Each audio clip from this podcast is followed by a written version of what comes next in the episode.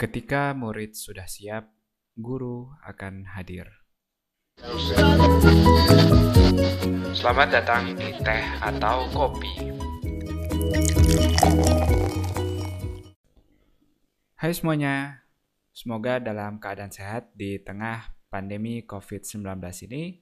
Jangan lupa sempatkan untuk berdoa untuk teman-teman kita yang sedang berjuang, terutama teman-teman medis, atau ada keluarga-keluarga kita yang sedang dalam status pengawasan atau dalam keadaan tidak sehat secara umum, semoga bisa kembali beraktivitas normal seperti sebelumnya. Nah, di tengah momen-momen awkward ini, di mana eh, aktivitasnya di beberapa daerah sudah dibatasi, akhirnya saya dapat kesempatan lagi untuk mulai merekam kembali podcast Teh atau Kopi ini setelah beberapa bulan tidak aktif. Semoga teman-teman sama seperti saya masih semangat bahkan lebih semangat lagi setelah beristirahat cukup lama untuk kembali kita sama-sama menggali hal-hal yang jarang dibicarakan sebelumnya.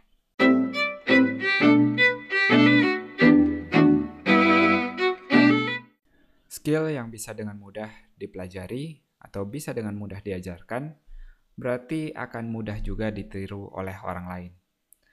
Karena itu, kamu nggak bisa mengandalkan tempat-tempat umum sebagai satu-satunya sumber belajar, seperti sekolah atau kampus. Atau mungkin sebuah seminar-seminar yang bisa diikuti oleh siapa saja. Karena materi yang diajarkan sama, semua orang mendapatkan hal yang sama.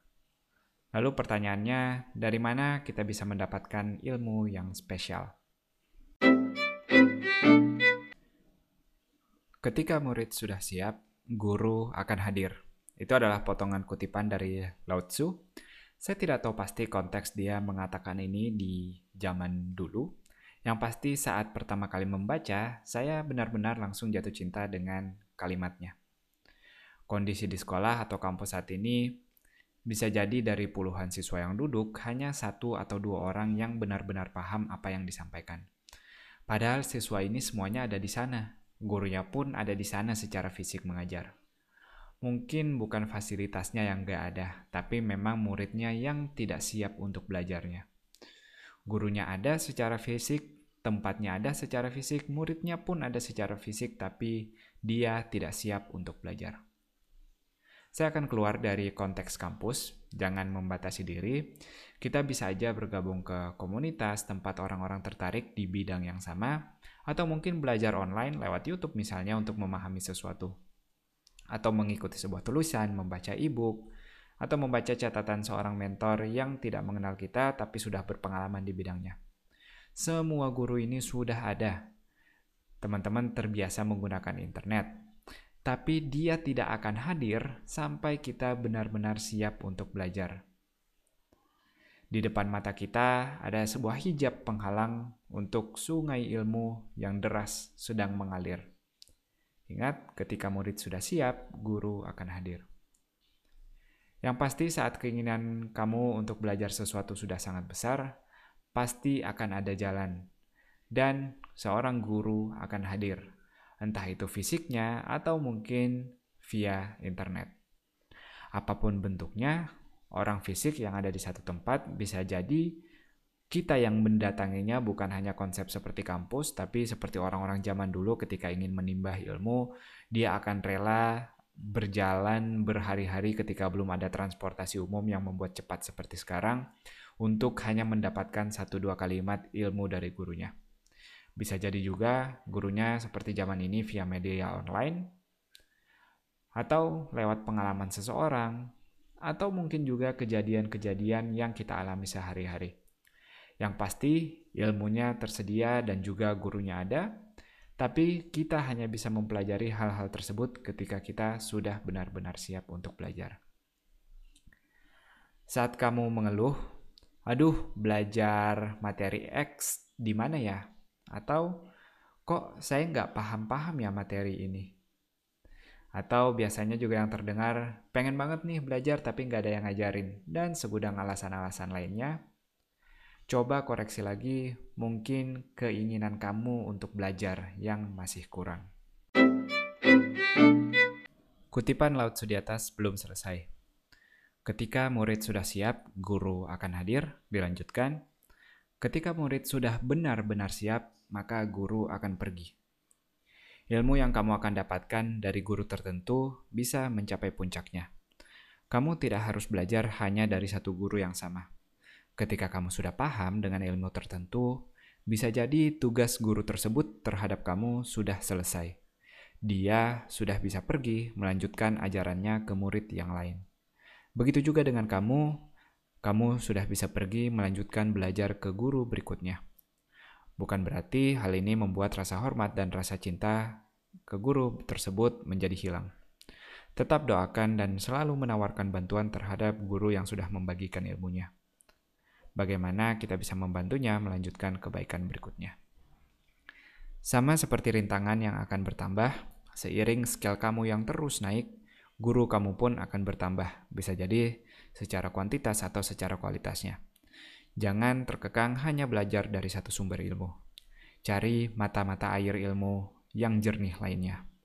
Hormati ajaran mereka masing-masing, hormati perbedaan pendapat yang ada pada mereka, dan praktekkan apa yang kamu dapatkan. Seorang guru justru akan sangat senang ketika muridnya sudah melebihi apa yang dia mampu ajarkan. Ini hal sama yang saya rasakan. Di samping membuat podcast ini, saya mengajarkan programming di sekolah coding. Ketika saya sudah mendengar ada orang-orang yang sudah bekerja di perusahaan-perusahaan atau di startup besar, tentu perasaan saya akan sangat senang tanpa memikirkan, wah skill si orang ini sudah lebih jago dari saya. Tentu ketika mengetahui skill orang tersebut sudah jauh di atas saya, rasa kami sebagai seorang guru akan semakin senang. Kembali ke masalah awal yang kita bahas, ketika suatu ilmu bisa dengan mudah diajarkan, maka kamu tidak akan menjadi spesial. Jangan berharap mendapatkan ilmu dari tempat yang terlalu jelas, yang terlalu ramai. Bayangkan ilmu tersebut seperti sebuah emas atau seperti bongkahan berlian. Perlu digali, sulit untuk didapatkan, dan perlu ditempa atau dipoles hingga menjadi barang yang mahal. Kamu perlu berpikir, tidak cukup hanya menerima ilmu tersebut mentah-mentah. Latih diri kamu untuk melihat sesuatu yang tidak jelas. Latih diri kamu untuk sabar ketika orang lain hanya bisa melihat sesuatu yang terlihat dengan mata, ketika orang lain tidak sabar untuk menginginkan hasil yang instan. Jadikan diri kamu melakukan hal yang sebaliknya yang tidak banyak dilakukan oleh orang lain, yaitu belajar melihat sesuatu yang tidak jelas, belajar melatih diri dengan sabar. Ketika kamu melihat guru hanya seperti sebuah, hanya seperti seseorang yang mengajarkan sesuatu, coba lihat sesuatu, coba lihat sisi yang tidak nampak seperti bagaimana dia bersikap, bagaimana dia bertutur kata, ini hal-hal yang jarang diperhatikan oleh orang lain. Bisa jadi keseharian dia bisa kamu pelajari dan bisa mengalirkan ilmu yang jauh lebih banyak dibanding apa yang dia katakan. Karena semua orang ingin hal-hal yang instan dan ilmu yang spesial tidak didapatkan dengan cara yang instan. Belajar bukanlah aktivitas pasif. Kamu perlu aktif menyiapkan diri kamu untuk menerima ilmu, terutama ilmu yang spesial, tidak menunggu kamu perlu aktif berpikir, secara kritis bertanya tentang ilmu yang kamu dapatkan. Itu dia, comeback podcast teh atau kopi. Terima kasih sudah mendengarkan episode ini. Share teh atau kopi di dunia maya dan dunia nyata. Kamu bisa dengarkan podcast di www.tehataukopi.club dan blog pribadi saya di hilman.space. Jangan lupa selalu benarkan niat perbaiki sikap, dan luaskan manfaat. Sampai jumpa.